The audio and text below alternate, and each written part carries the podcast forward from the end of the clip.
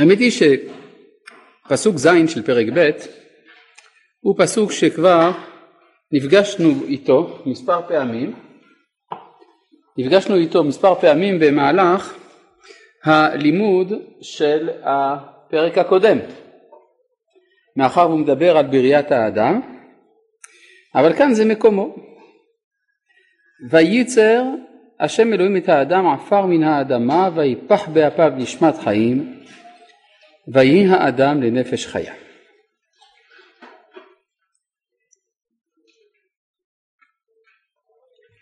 מבחינתנו זה פסוק חשוב ביותר כיוון שהוא מדבר עלינו, אנחנו האדם. חשוב לנו לדעת איך האדם נוצר, אולי מזה נלמד משהו על עצמנו. אז בואו ראשית כל נבדוק מהו הפועל שמציין את הופעת האדם וייצר. לפני כן פגשנו שני פעלים אחרים לגמרי, פגשנו את הפועל לברוא, ויברא אלוהים את האדם, כך נאמר בפרק א' פסוק כ"ז, וגם מצאנו עשייה, נעשה אדם, כך נאמר בפסוק כ"ו, התוכנית הייתה עשייה, למעשה לא הייתה עשייה, למעשה הייתה רק אה, בריאה, וכאן אנחנו מגלים משהו חדש, יצירה. אז מה רוצים מאיתנו? האדם נברא, נוצר או נעשה?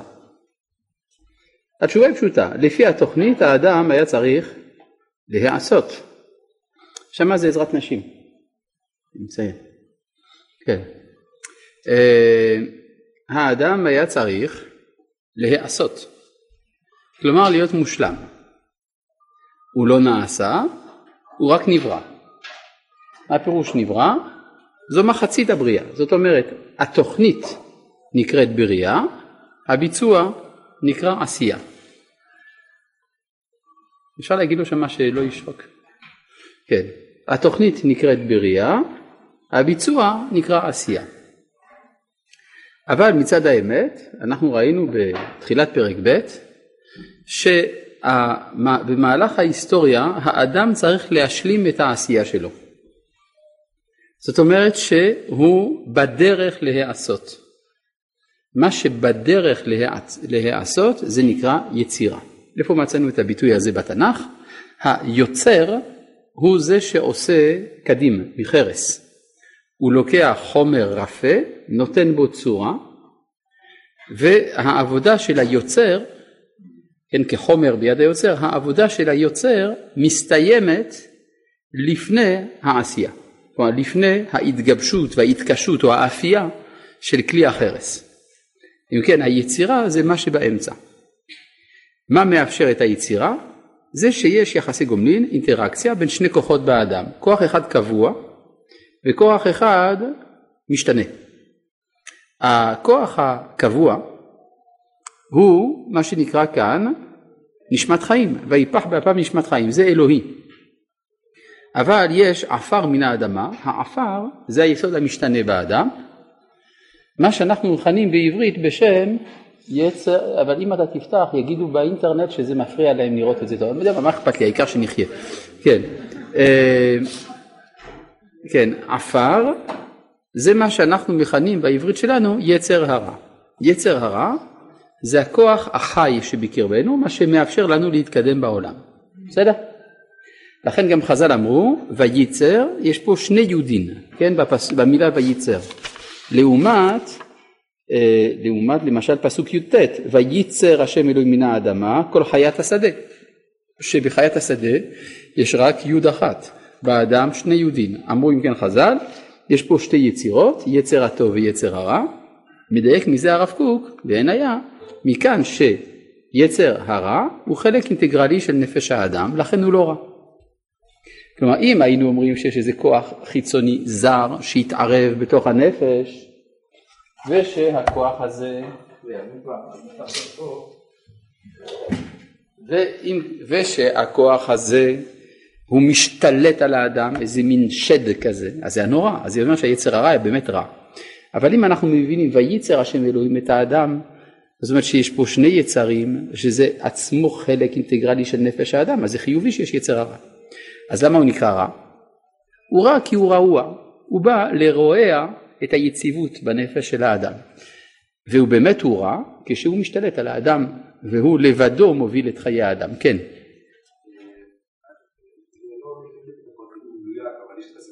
שהנחש אה, זוהמה בחווה, זאת אומרת שכאילו בנפש החיים מסביר, אם אני לא טועה, שאז יצר הרע נכנס לאדם, שבעיקרון הוא לא חלק מהאדם. 아, אה, יפה, כלומר שאלתך היא כזאת, לכאורה אני אמרתי שיצר הרע זה חלק אינטגרלי של נפש האדם, איך הדברים האלה יסתדרו עם דבריו של בעל נפש החיים, רבי חיים מוולוז'ין, שאמר שלפני החטא יצר הרע עמד מחוץ לאדם, ועכשיו הוא נכנס בתוך האדם, אם כן הוא יצירה חיצונית, עד כאן קושייתך. תשובה, אין שום קשר בין זה לזה. וזה, משום שבתוך האדם יש שני כוחות, האחד יצר הטוב והיצר הרע, אבל הם נפרדים זה מזה, שניהם זה האדם. הנחש שאתה מדבר עליו, למדנו כבר, הנחש זה האדם. אלא שבאדם המקורי ההבחנה בין יצר הטוב ליצר הרע היא הבחנה ברורה. מהחטא ואילך נעשתה תערובת, מה שנקרא דעת טוב ורע. מה דעת מלשון חיבור. והאדם ידע, מה זה ידע? התחבר. אז אם כך, מכאן ואילך שהיצר הטוב והיצר המעורבבים, קשה לו לאדם להבחין מה בקרבו יצר הטוב ומה בקרבו יצר הרע. זה הכל. אלא אם כן יש הערת השכל, שזה דבר שלא תמיד קיים אצל הרבה אנשים, לא אמרתי את זה לכולם, אצל הרבה אנשים. טוב. עכשיו, אה, אז בואו נמשיך אם כן וייצר. יש אם כן באדם אה, שני כוחות שפועלים, ואנחנו רואים גם שהמקורות שלהם מאוד שונים. האחד נקרא עפר מן האדמה, השני נקרא נשמת חיים. וזה מאוד קשה אם ככה לחיות. כי אם אני אומר שיש באדם יסוד שמקורו נגיד בגדול נקרא לזה הטבע ויסוד אחר שבגדול נכנה אותו בתור הנשמה יוצא שתמיד תשאל באדם השאלה מי אני האם אני הנשמה שלי ואני משתמש בטבע שבי או שאני טבע שמשתמש בנשמה זאת שאלה מאוד רצינית ש... לפעמים גם אה, בא לידי ביטוי בוויכוחים תיאולוגיים מטופשים מסביב לתורת האבולוציה. כן, לאחרונה התחילו ויכוחים על תורת האבולוציה מבחינה דתית וכל מיני שטויות כאלה. אבל מה שכן אפשר ללמד זכות על אותם דתיים שנלחמים נגד תורת האבולוציה, כי צריך גם עליהם ללמד זכות, שהאדם איננו כל כך רוצה להיות יצירה טבעית. כלומר, אם אתה אומר שאני בא מן הקוף, סימן שאני סך הכל רק קוף מגודל. כן, משהו כזה, זה מה שמפריע לאותם האנשים. כן, עשיו הוא עשוי, כלומר לפי הנלמד בשיעור זה מושלם, כן. עכשיו, אה, זה הייתה מה השאלה בצד באינטרנט. עכשיו, אה, איפה היינו? כן, יש, אם כן, הדתיים שכל כך לא רוצים שתורת האבולוציה תהיה נכונה, הם לא רוצים להיות חלק מן הטבע.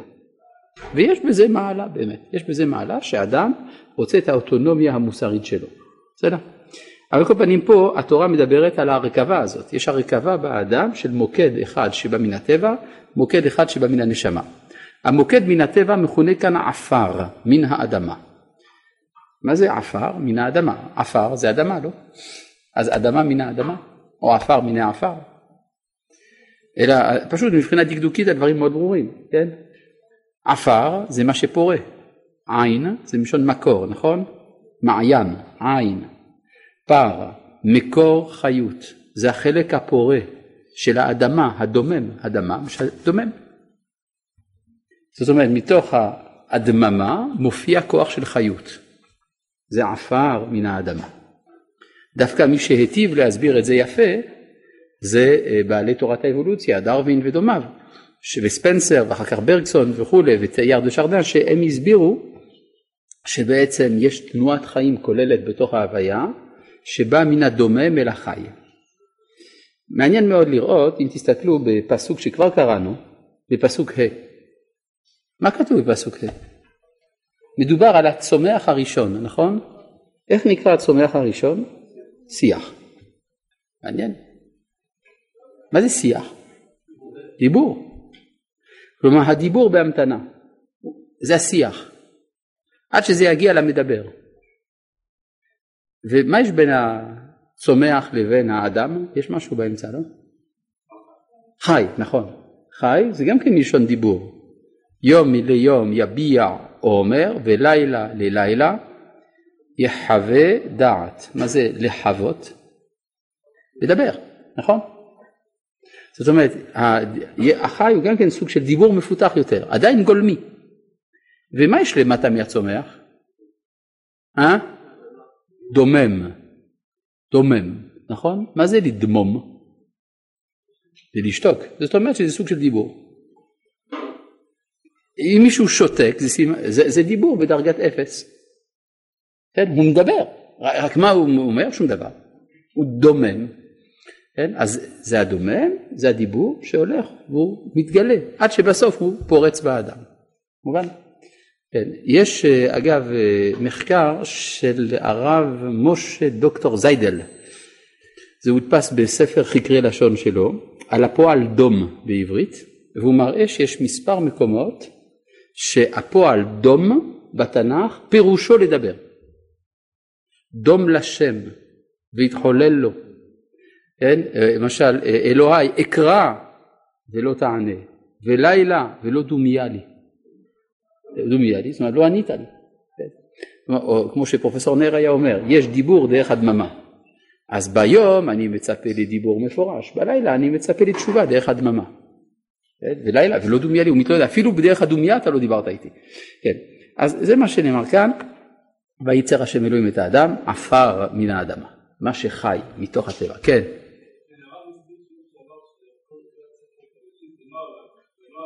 נכון.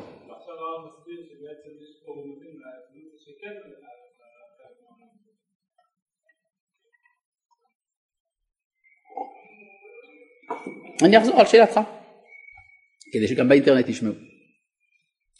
בשיעורים הקודמים אני אמרתי שכל מעשה בראשית זה לא מדבר על העולם הזה. אז איך עכשיו אני מסביר פסוק על פי תורת האבולוציה? תורת האבולוציה מדברת על העולם הזה? עד כאן שאלתך. תשובה, לא הסברתי את הפסוק על פי תורת האבולוציה. הסברתי את הפסוק על פי הפסוק. אלא שמה שאני ציינתי הוא שתורת האבולוציה מקבילה לזה. יש לה אינטואיציה של הדבר הזה, מובן? אבל אין שום הסבר בפסוק כיצד העולם החומרי הופיע. אנחנו רק יודעים שביצירת האדם יש חלק שבא מן העולם החומרי. התורה לא, לא דואגת בכלל להסביר לנו איך החלק הזה נוצר. מובן? ויפח באפיו נשמת חיים. מה פירוש נשמת? נשמת חיים, נשמה בעברית התנ"כית, פירושו נשיפ, נשיפה.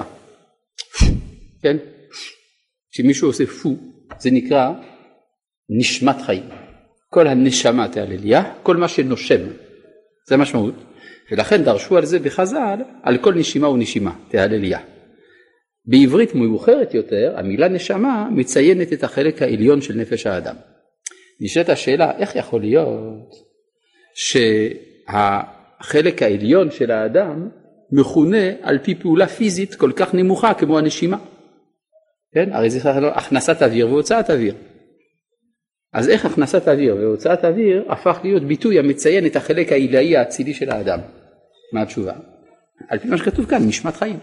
זה לא, נשמת, זה לא נשימת האדם, אלא זה הנשימה האלוהית כביכול בקרבו, היא הנקראת נשמת חיים, היא אותה הנפש העליונה, זה מה שמצדיק את הכינוי של הנפש העליונה בשם נשמה. כן.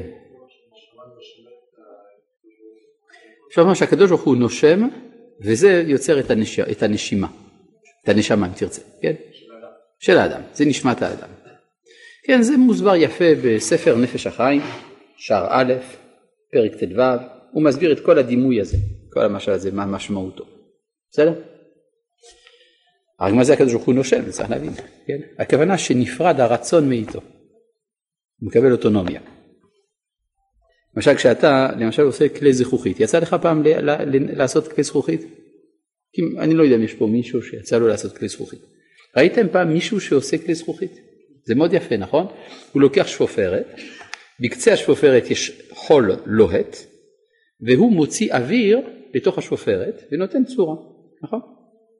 עכשיו האוויר עובר שלושה שלבים. בשלב ראשון הוא נמצא בתוך הגוף של הממזג, ככה קוראים לזה, לזה שעושה את כלי הזכוכית. זה נמצא לו בריאות, בתוך הלחיים. כל זמן שזה לא עבר את השפתיים, זה עדיין חלק מן האומן. אחר כך זה בשופרת, זה כבר לא של האומן, זה עוד לא של הכלי. אחר כך זה מגיע לכלי, מקבל צורה, ושם זה נח, נופש. אז זה נשימה, רוח, נפש. כן, נפש, רוח, נשמה, שלושת הבחינות שבאדם. כלומר, הנשמה הוא החלק האידיאלי של האדם, הייתי אומר, האדם כפי שהוא בעיני השם, כפי שראוי לו לאדם להיות, זה הנשמה. הנפש זה איך שהאדם נמצא במציאות. ומה היחס בין הנפש לבין הנשמה? הרוח. רוח, לשון רווח, מה שמבדיל בין זה לזה. יש פה שתי שאלות. מבינה ששני היצרים הם חלק אינטגרלי בנפש האדם, אבל לא מסתדרת לי הדואליות. גם האלוהות מתוארת כדואלית וגם האדם לא מובן לי. האם זה הזמן להרחיב מעט בנושא הדואליות? אם כן תודה וגם אם לא. אני לא מבין למה פה האלוהות מופיעה בצורה דואלית, אבי על השם אלוהים. יש באדם דואליות, מה אפשר לעשות? זה מאוד מצער. אבל זה נכון שיש פה בכל זאת מקום לשאלה. אם יש לאדם נפש ויש לאדם נשמה, או אפילו יצר הטוב ויצר הרע, הוא אותו האדם שיש לו שני חלקים? הרי אם שני חלקים הם ממש שני חלקים, אז זה כבר שתי ישויות. צריכה להיות נקודת אחדות שמיוחסת, ששני החלקים מיוחסים אליה. רגע, זו השאלה קודם כל. אני מנסה עכשיו להסביר את השאלה, בסדר? השאלה היא ככה, אם אני אומר, יש נגיד אה, השעון של יוסי והמשקפיים של יוסי, זה סימן שיוסי הוא לא השעון ולא המשקפיים, כי הם שלו. אז צריך להגדיר מיהו יוסי, שנדע של מי השעון של מי המשקפיים. אם יש יצר הטוב של האדם ויצר הרע של האדם, או נרחיב את זה יותר, נפש האדם, נשמת האדם, אז מיהו האדם? שאליו מיוחסים הנפש והנשמה. עד כאן השאלה, ברור? מוכרחים להניח איזושהי אנושיות אחדותית מקורית לפני כל זה. איך נקרא לה? נקרא לה חיה. נפש רוח נשמה? חיה. הנפש, הרוח והנשמה של החיה. וכמו שאמר אה, יחזקאל הנביא, רוח החיה באופנים. יש כמה אופנים, מודוס, כן, מודוסים שונים, יש כמה אופנים של אותה החיה. עד כאן מובן? נפש, רוח החיה באופנים. אבל איפה הוא מוזכר בתורה אותו אדם שלפני הפיצול, לפני הדואליות, כן? כפי שהשואלת הנכבדה שואלת כאן, כן?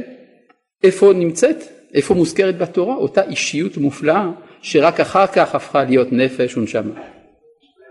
מה? לא, היא צריכה להיות קדומה יותר, נפש חיה זה התוצאה. זה מוזכר בפרק א', בפסוק ב', ורוח אלוהים מרחפת על פני המים. אומרים חז"ל, רוח אלוהים זה רוחו של מלך המשיח. אז אם כן הוא היה שם. כן, יש האדם המקורי, שאחר כך מתגלה במהלך היצירה. יש פה שאלה נוספת, רגע, אז מה ביום יביע עומר ובלילה יחווה דעת, יש אמירה ויש חוויה, ומתי בא הדיבור? לא יודע, כשנלמד את אה, ספר תהילים אז נדון על זה. נשמת חיים פירושה הוצאת אוויר, אז מה זה ויפח? ויפח זה הפעולה ונשמת החיים זה האוויר עצמו, כן? זה לא ההוצאה, ההוצאה היא הנפיחה, כן? ומה שיוצא מהנפיחה זה האוויר הנקרא נשמת חיים כאן, במשל. ויהי האדם, אגב, מה פירוש המילה נשמת חיים? כן, הסברנו את המילה נשמת, אבל מה זה חיים? חיים זה מה שעצמאי. מה שלא עצמאי הוא לא חי, הוא מת. למשל אנחנו אומרים בתפילה, מחיי מתים ורחמים רבים. נכון? מחיה מתים עתה. זה נכון, מחיה מתים עתה. מה זה מחיה? באיזה, באיזה זמן זה? עבר, הווה או עתיד? הווה. מה, הקדוש ברוך הוא עכשיו בהווה מחיה מתים? אני חשבתי שרק בעתיד הוא יחיה מתים. מי זה המתים שעכשיו הוא מחיה? זה, זה אנחנו, אנחנו המתים שהוא מחיה. כלומר הוא נותן חיות, לא מחיה במובן של להחיות אחרי המוות, אלא לתת חיות, זה גם משמעות בעברית של לחיות. מחיה מתים, אנחנו המתים, והוא מחיה אותנו. מדוע אני אומר את זה? כדי שנבין שהמילה חי נאמרת עבור מי שאיננו מקבל החייאה, אלא עבור החיים עצמם, דהיינו מי שעצמאי אפשר להגיד עליו שהוא חי. אז מי, הוא, מי, מי באמת אנחנו מכירים שהוא עצמאי, שאפשר להגיד עליו שהוא חי? רק הקדוש ברוך הוא, נכון? לכן רק הוא נקרא חי. כן, מה אתה אומר? כעת חיה. נכון, כעת חיה, משהו אחר, לא יודע. מה, כל דבר אני יודע. אבל על כל פנים חי נאמר על מה שעצמאי. למשל, אה, אה, נגיד כך, טוב, לא, בשלב הזה מספיק. ויהי האדם לנפש חיה. עכשיו, להיות ל זה ביטוי קצת משונה. היה אפשר להגיד ויהי באדם או ותהי באדם נפש חיה. כלומר הנשמת החיים הפכה להיות נפש חיה. אבל זה לא מה שכתוב. ויהי האדם, האדם שכבר היה, הפך למשהו אחר, לנפש חיה. אבל גם זה לא לגמרי ברור, כי אפשר להגיד ויהי האדם נפש חיה. הלמד של לנפש חיה מיותרת. נכון? אפשר להגיד ויהי האדם נפש חיה. מה זה לנפש חיה? הביטוי להיות ל, הכוונה למלא תפקיד כלפי זולת. למשל, לך והיית לנו לקצין לכל יושבי גלעד. אמרו יושבי גלעד ליפתח. וחזקת והיית לאיש. כלומר, אתה תהיה מי שינהיג אחרים. אז מה זה ויהי אדם לנפש חיה? הוא הפך להיות נפש חיה של אחרים. מי הם האחרים שהאדם נהיה הנפש החיה שלהם? כל העולם כולו. ככה מסביר רבי חיים וולוז'ין בספר נפש החיים, הוא הפך להיות הנפש המחיה את הכל. הוא לנפש חיה, מחיה את הכל. ברור? זה אחריות עצומה, זאת אומרת מכאן ואילך בעצם יוצא שהאדם והעולם הם הוויה אחת. מעניין, מה היה גודלו של האדם בשלב הזה? כמה גדול? מטר אה, שמונים ותשע? ארבע מטרים? קילומטר? מה? כן, חז"ל אמרו, הוא היה גדול מן השמיים ועד הארץ, ועקבו מקהה גלגל חמה, והוא היה מביט מסוף העולם ועד סופו, וראה את כל הדורות. אז איך הוא היה נראה? הוא היה נראה כמו העולם כולו. בעצם בשלב הזה אין הפרדה בין האדם לבין העולם. האדם הוא העולם, העולם הוא האדם. בדיוק כמו שאין הבדל בין הנפש שלי לבין הגוף שלי. נכון? אם מישהו דוחף אותי באוטובוס, אז מה אני אומר לו? אל תגע בי, נכון? זה בא מה, מהעברית אל תיגע בי. אה, עכשיו לכאורה הוא לא נגע בי, הוא נגע רק בגוף שלי.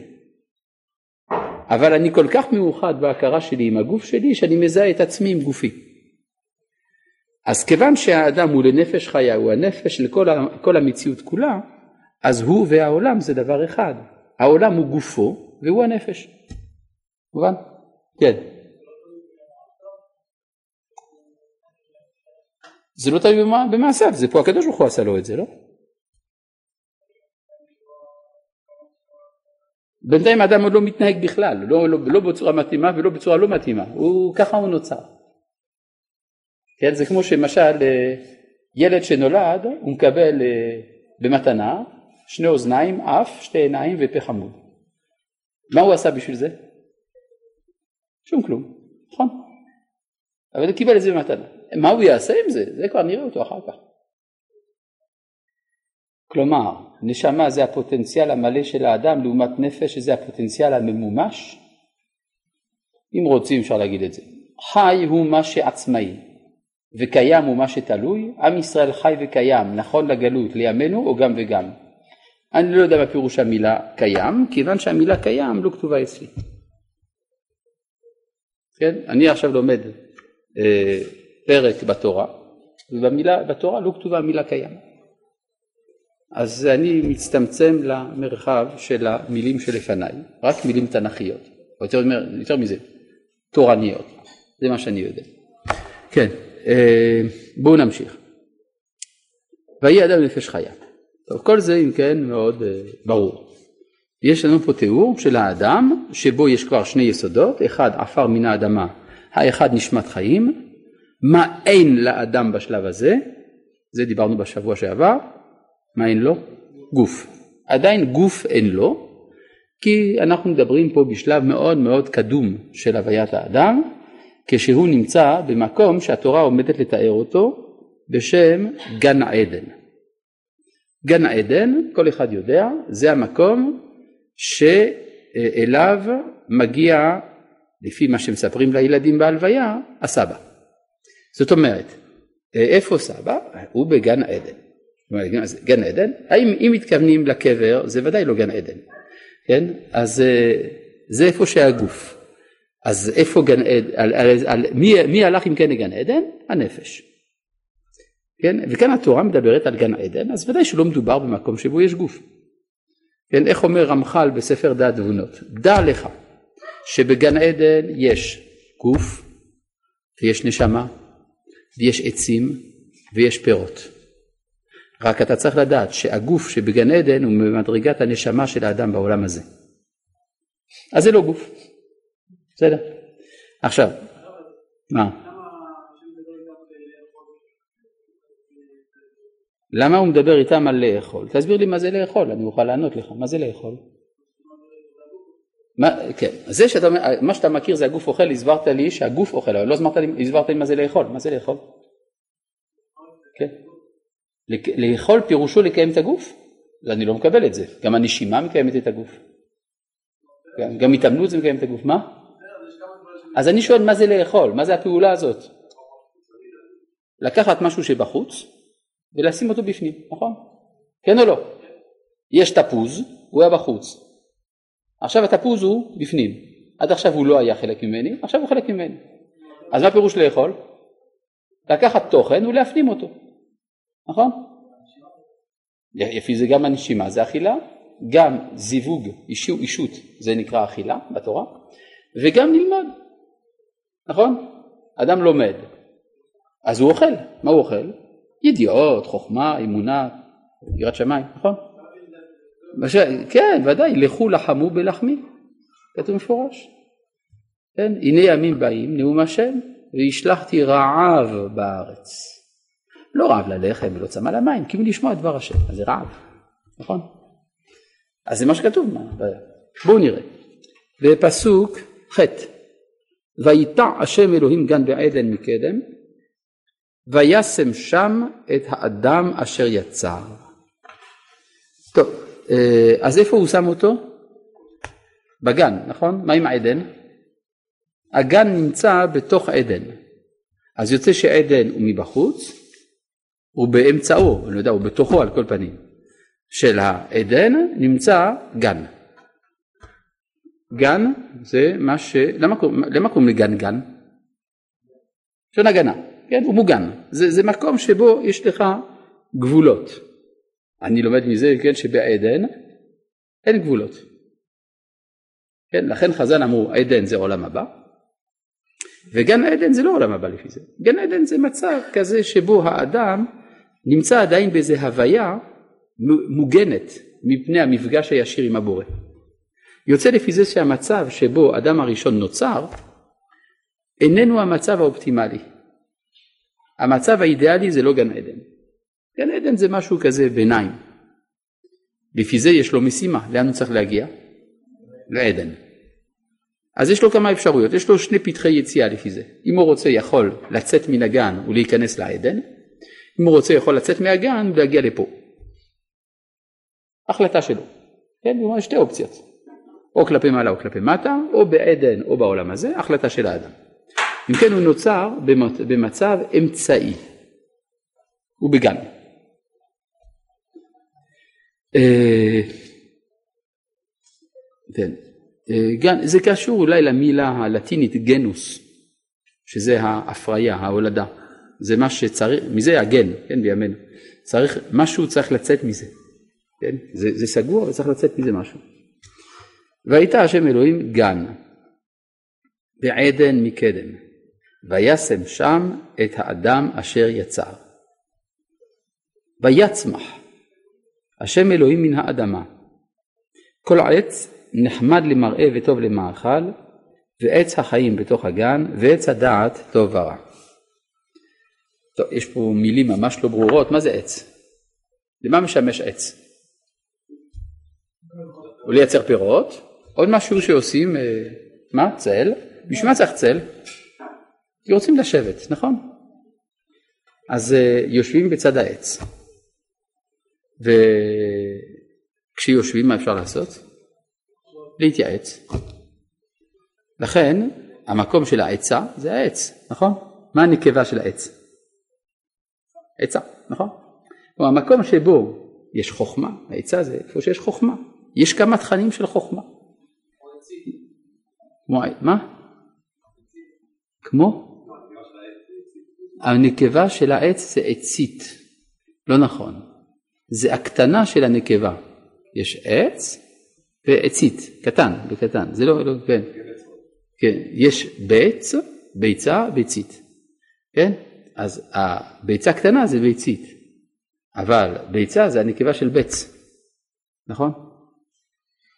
ברור? אז גם כן, הזכר של עצה זה עץ. אני לא קשור לעצית, בסדר? לא, פשוט רציתי שלא, שלא נטעה. אה, אם כן, אז יש פה תכנים של חוכמה. אגב, בימי קדם, כשקורא התורה מיד מבין את זה, כי בימי קדם המקום של העצה היה ליד העץ, בחברה הקדומה. אפילו היו בתקופה יותר מאוחרת מלכים שהיו נוהגים לקיים את המועצה שלהם ליד העצים. כן? מה? דבורה, תחת תומר דבורה. היה גם מלך בצרפת, קראו לו לואי הקדוש. אתה יודע למה קראו לו הקדוש? כי הוא הרג הרבה יהודים, ואז הוא, או לואי התשיעי, הוא היה אה, שופט תחת העץ, כן? תחת האלון. כן. אז בקיצור, אה, העץ זה תכנים של חוכמה, ברור. איש היה בארץ עוץ, איוב שמו. מסביר המלבים, מה זה ארץ עוץ? מקום החוכמה. כי שמה עוצים עצה, עוצו עצה ותופה. ויצמח השם אלוהים מן האדמה כל העץ. עכשיו פה אנחנו רואים שלושה תכנים. תוכן אחד נקרא כל עץ נחמד למראה וטוב למאכל. התוכן השני נקרא ועץ החיים בתוך הגן, והתוכן השלישי נקרא ועץ הדעת טוב ורע. אם כן יש לנו פה שלושה סוגי עצים, האחד שאנחנו לא בדיוק יודעים עליו כי התורה לא מעריכה בו, אבל זה כל עץ נחמד למראה וטוב למאכל, ואנחנו שומעים על עוד שני עצים, אחד עץ החיים ואחד עץ הדעת טוב ורע.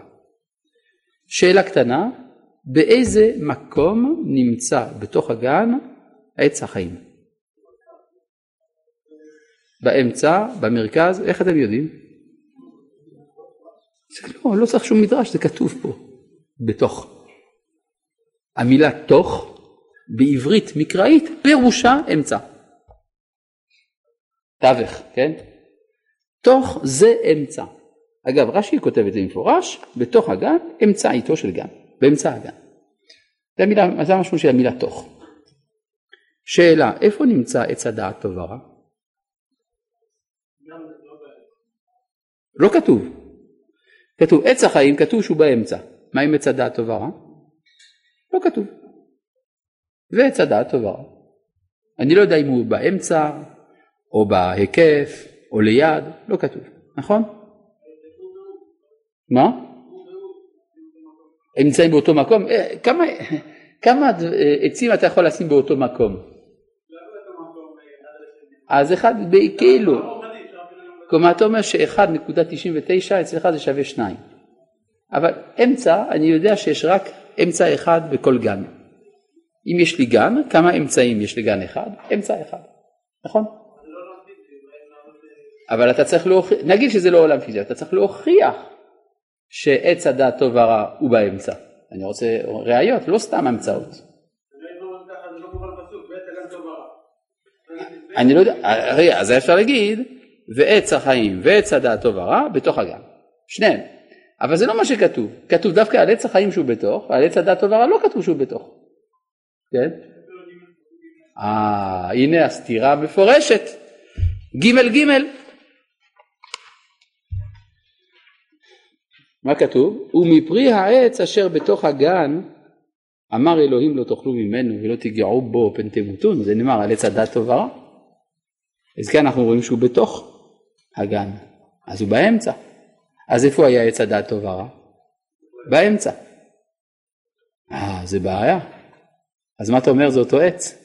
אני לא מבין, אבל אם זה אותו עץ, אני ממש לא מבין, כי עץ החיים מותר לאכול, עץ הדת טוב ורע אסור לאכול. ואם זה אותו עץ, אז איך מסתדרים? טוב, אני מציע שנשאיר את זה בינתיים פתוח. כן, בבקשה. אתה אומר שטוב ורע זה כאילו הקצוות של העץ והאמצע של העץ זה עץ החיים. רעיון יפה, קרוב לתשובה האמיתית. אבל את התשובה האמיתית אנחנו נלמד בהמשך, בעזרת השם, אולי לא בשיעור הזה, ואנחנו אה, נראה איך זה כתוב בדיוק. כן, בבקשה. והשאלה למה זה מוצג כשני עצים אם ככה. כן, מה אתה אומר? מה זה מקדם? אתה שואל, בפסוק ח' מקדם, נו מה כתוב ברש"י? באומקלוס, תסתכל בבקשה. גינתא בעדן, מה כתוב? מלקדמין, כלומר זה קדמון. כלומר, הגן עדן זה המצב הקדמון של האדם. בסדר? מה? ירושלים זה קדם? תביא לי הוכחה, לא יודע. איפה זה כתוב?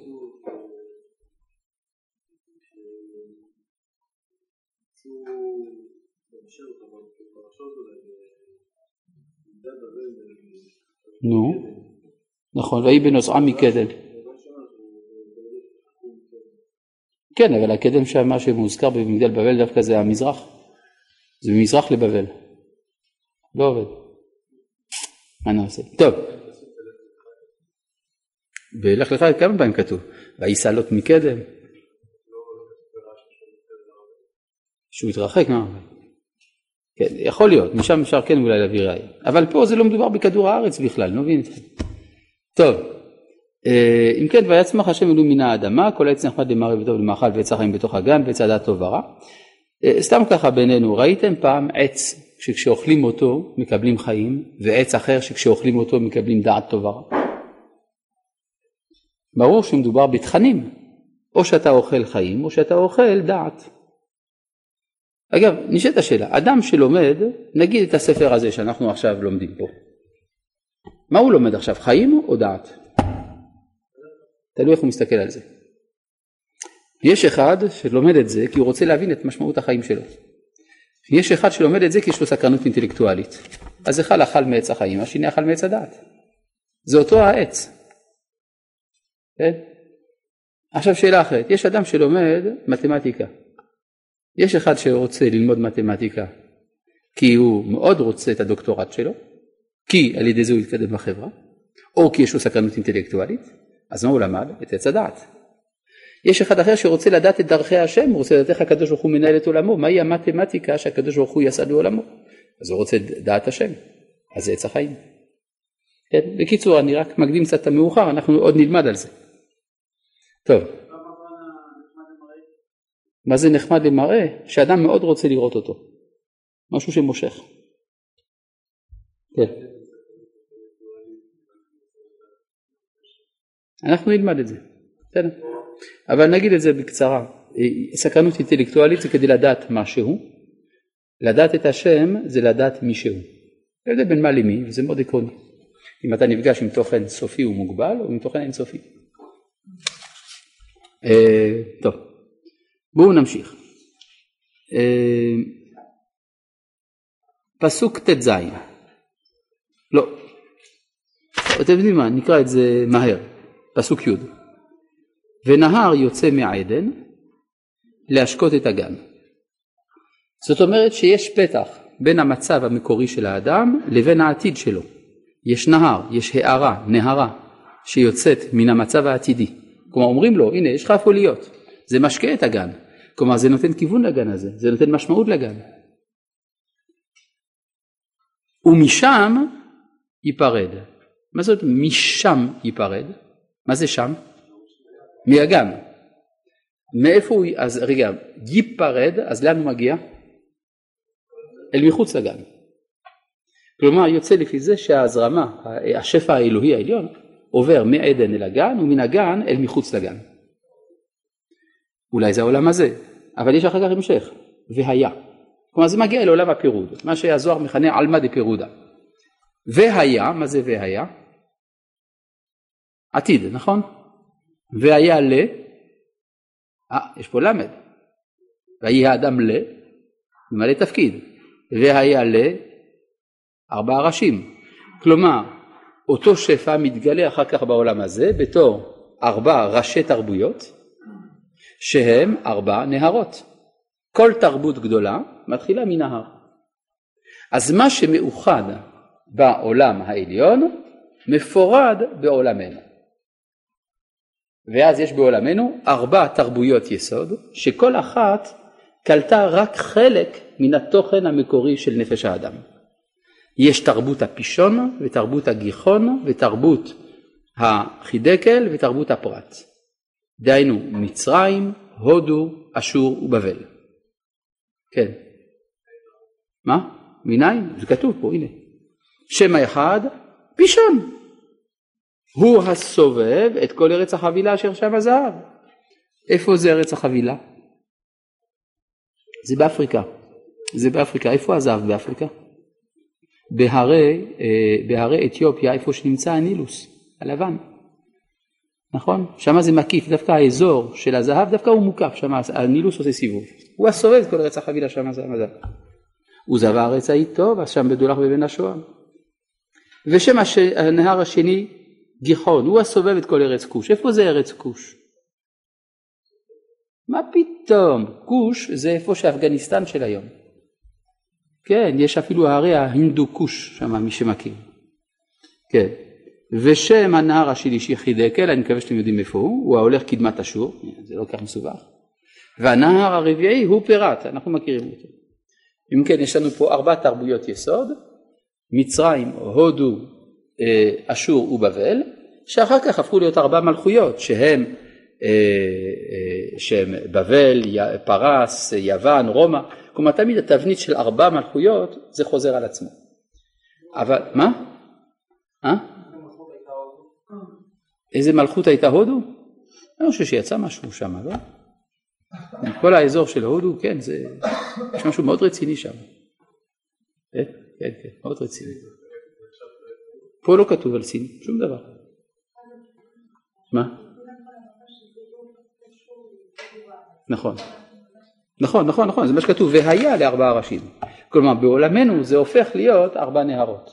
לכן הגמרא אומרת, המדרש אומר שהנהרות הם לא חלק ממעשה בראשית. כי הרי שם המדרש אומר ככה, נבראת אישה, נברא שטן עימה.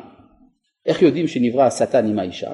שהרי כתוב, הסמך הראשונה, זה בפסוק כ"א, ויסגור בשר תחתנה בבריאת האישה. שואלת הגמרא, איך אתה אומר שזה הסמך הראשונה, הרי כבר לפני, לפני כן כתוב הוא הסובב. הוא הסובב את כל ארץ כוש, הוא הסובב את כל ארץ, אז יש סמך לפני כן, אומר המדרש, לא, זה לא במעשה בראשית. כלומר, רואים שפה זה סוגריים שהתורה הכניסה. כן, ברור. אגב, אם נבראת אישה, נברא שטן עימה. אז זה סימן א', שהאישה היא לא השטן.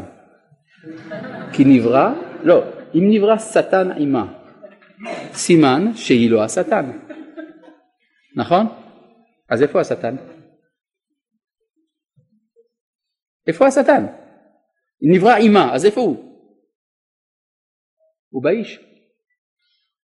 ברור. נבראת האישה, אז יש שטן לאיש. כלומר, האיש עכשיו יכול לסטות מכוח זה. היא בסדר גמור. כן, אם היו אומרים, האישה היא השטן, כמו בתפיסה המצ'ואיסטית, אז זה היה משהו אחר, אבל זה לא מה שאמרו חז"ל. נברא, נבראת אישה, נברא שטן עימה. מה? כן, הנוצרים אומרים, בסדר. כל דבר שהנוצרים אומרים, אנחנו צריכים, כן. יש פה שאלה, אז מה הכוונה לפס ג' כ"ב? פס, הוא התכוון פסוק. לא הבנתי מה השאלה שלו. טוב, זה כשנגיע לפסוק הזה, זה פסוק מסובך. טוב, אה, עכשיו, עכשיו שגמרנו עם הנהרות, חוזרים לגן עדן, פסוק ט"ו, ויקח השם אלוהים את האדם, ויניחהו בגן העדן, לעובדה ולשומרה. לא הבנתי, גן זה זכר או נקבה? אז אני לעובדו ולשומרו. אה? עדן? מה פתאום? עדן? מי אמר לך שעדן זה נקבה בכלל? מאוד מוזר. מה זה לעובדה ולשומרה?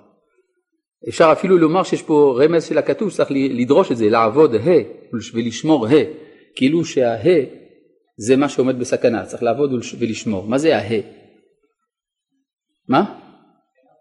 שכינה, למה אתה אומר ששכינה זה הה? כי זה האות הרביעית של שם הוויה, י' כ' ו' ה', נכון? אז כאילו הה צריכה שמירה. לא, זה באמת על פי הקבלה יש לזה משמעותי, אבל נלך על פי הפשט. הזוהר אומר דבר מאוד יפה, מה זה לעובדה ולשומרה? לעובדה מצוות עשה, לשומרה מצוות לא תעשה. איפה הזוהר הולך לחפש דברים כאלה? איפה מצוות עשה ומצוות לא תעשה פה, אה? איפה? מה פתאום? לעובדה ולשומרה זה לעבוד את הגן, נכון? בואו נראה. באמת, הזוהר צודק, זה הפשט. הרי מה כתוב מיד אחר כך? צו. הוא שם אותו כדי שיהיה לו מצוות עשה ומצוות לא תעשה, צו.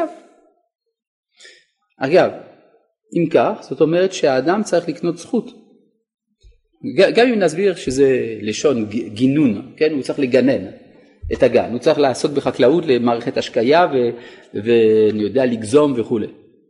זאת אומרת שיש לו מה לעשות כדי לקנות את הזכות, ואז הוא יוכל לצאת מן הגן ולהגיע לעדן, מובן? בינתיים הוא צריך לעבוד. חז"ל אמרו, כשם שתורה ניתנה בברית, כך מלאכה ניתנה בברית, שלא, שלא נכנס אדם הראשון לגן עדן עד שעשה מלאכה. אפשר לעשות מלאכה. כל מיני סוגים של מלאכה, מלאכה בכל מישור שלא יהיה, אבל זה מלאכה. אדם צריך לעשות משהו כדי להשתנות.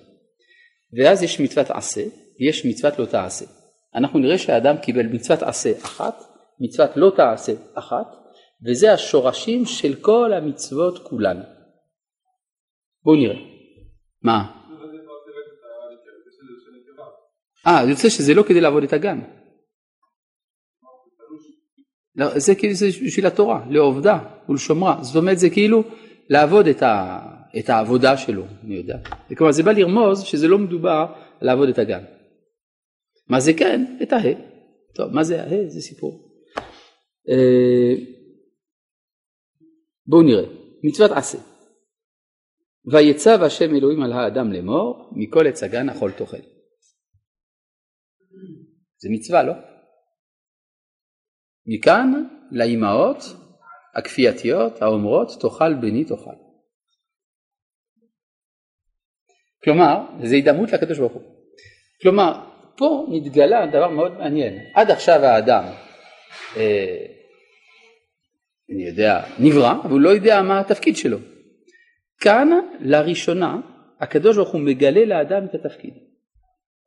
אני בראתי אותך בשביל שתאכל. דבר מאוד מעניין, כי בעלי חיים גם אוכלים. בפרשת, בפרק א', מה ראינו? ויברך אותם אלוהים לאמור, פירו ורבו, זה טבעי. ואחר כך גם את כל ירק עשב נתתי לכם את כל. כלומר הקדוש ברוך הוא נותן לאכול, לכם יהיה לאוכלה. אז אם כן, לא צריך לצוות על האדם לאכול כדי שהוא יאכל. וכאן פתאום מתברר שזה מצווה. מכאן שאנחנו לא, לעומת בעלי חיים, אנחנו לא אוכלים כדי לחיות, אלא אנחנו חיים כדי לאכול. זה מה שכתוב כאן, נכון? מה מטרת החיים של האדם? לפי זה, לאכול. מה לאכול אגב? מכל עץ הגן. הכל, אתה תאכל הכל. כל מה שיש בעולם תאכל. מאוד מעניין. זה האידאל של האדם. אנחנו, כשאנחנו אוכלים, יש לנו בעיה. האכילה, מה? כן, אבל שם זה לא ציווי, לא כתוב המילה ויצב. כאן יש ציווי. זה אגב דבר מאוד מפתיע.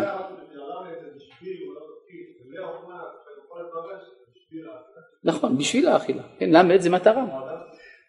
אצל, אצל בעלי חיים יכול להיות, אנחנו נבדוק את זה, כן? הרי כל אחד אוכל את השני. כן? הצומח אוכל את האדמה, החי אוכל את הצומח, האדם אוכל, החי אוכל את הצומח, האדם אוכל את החי. כן? מה? אז כל אחד נאכל, כמו שאני יודע. טוב, אה, אז מה, מה זה הסיפור הזה של ויצב? זה אומר שברגע שהאדם נברא, מיד הקדוש ברוך הוא מדבר עמו. דבר מפתיע מאוד. לא מצאנו שהקדוש ברוך הוא ידבר עם כל יצור אחר. זה אומר שהאדם הנורמלי, הטבעי, עוד לפני כל זכות זה הנביא. מי שהאלוה מדבר עמו. המצב של היעדר נבואה הוא מצב מדורדר. נא להכיר את עצמנו, אנחנו מדורדרים, כי אנחנו לא נביאים. כלומר, מצב שבו אין תקשורת בין הבורא לבין הנברא, להורות לו את דרכו, הוא מצב של חיסרון מוחלט. זה נורא ואיום. כן, מה אתה רוצה? אבל אין פה דיאלוג, דווקא אולי אפשר להגיד שהדיאלוג מרחיק את האדם. לא אמרתי דיאלוג, אמרתי דיבור. בסדר, אני רוצה לשאול, דיבור זה באמת יותר ציווי, זה לא בדיוק שיח שמתקיים. נכון, זה עוד לא שיח, אבל בינתיים יש הנחיה, זה דבר חשוב מאוד. כלומר, זה ממעלה למטה, זה חשוב ביותר. זה לא פילוסופיה ממטה למעלה. זה לא חוויה דתית, זה התגלות. ובהתגלות נאמר לו שהוא מצטווה לאכול. צריך להבין אם כן מהו האידאל. אצלנו האכילה משפילה אותנו. מדוע? אני רוצה ללמוד תורה, אני רוצה להתפלל, אני רוצה דבקות בשם. אז אני ממש נעלה, לא? במה אני תלוי? בחתיכת צ'יפס? מה הוא? הוא רק צומח, הקטשופ הזה. מה, הוא, יג... הוא, יקבע את יכולת הקיום שלי? כלומר, יש באכילה בושה מסוימת. זה, זה, זה, זה מבייש את האדם שהוא צריך לאכול. לכן, לנו קשה לראות מעלה, לראות אידיאל באכילה. אבל כאן כתוב שיש מעלה בזה. לא רק איזה מעלה, אלא שזאת המטרה, לשם זה הוא נברא. מאוד תמוה. צריך להסביר את זה אבל כבר נגמר השיעור, אז נמשיך בפעם הבאה. שלום.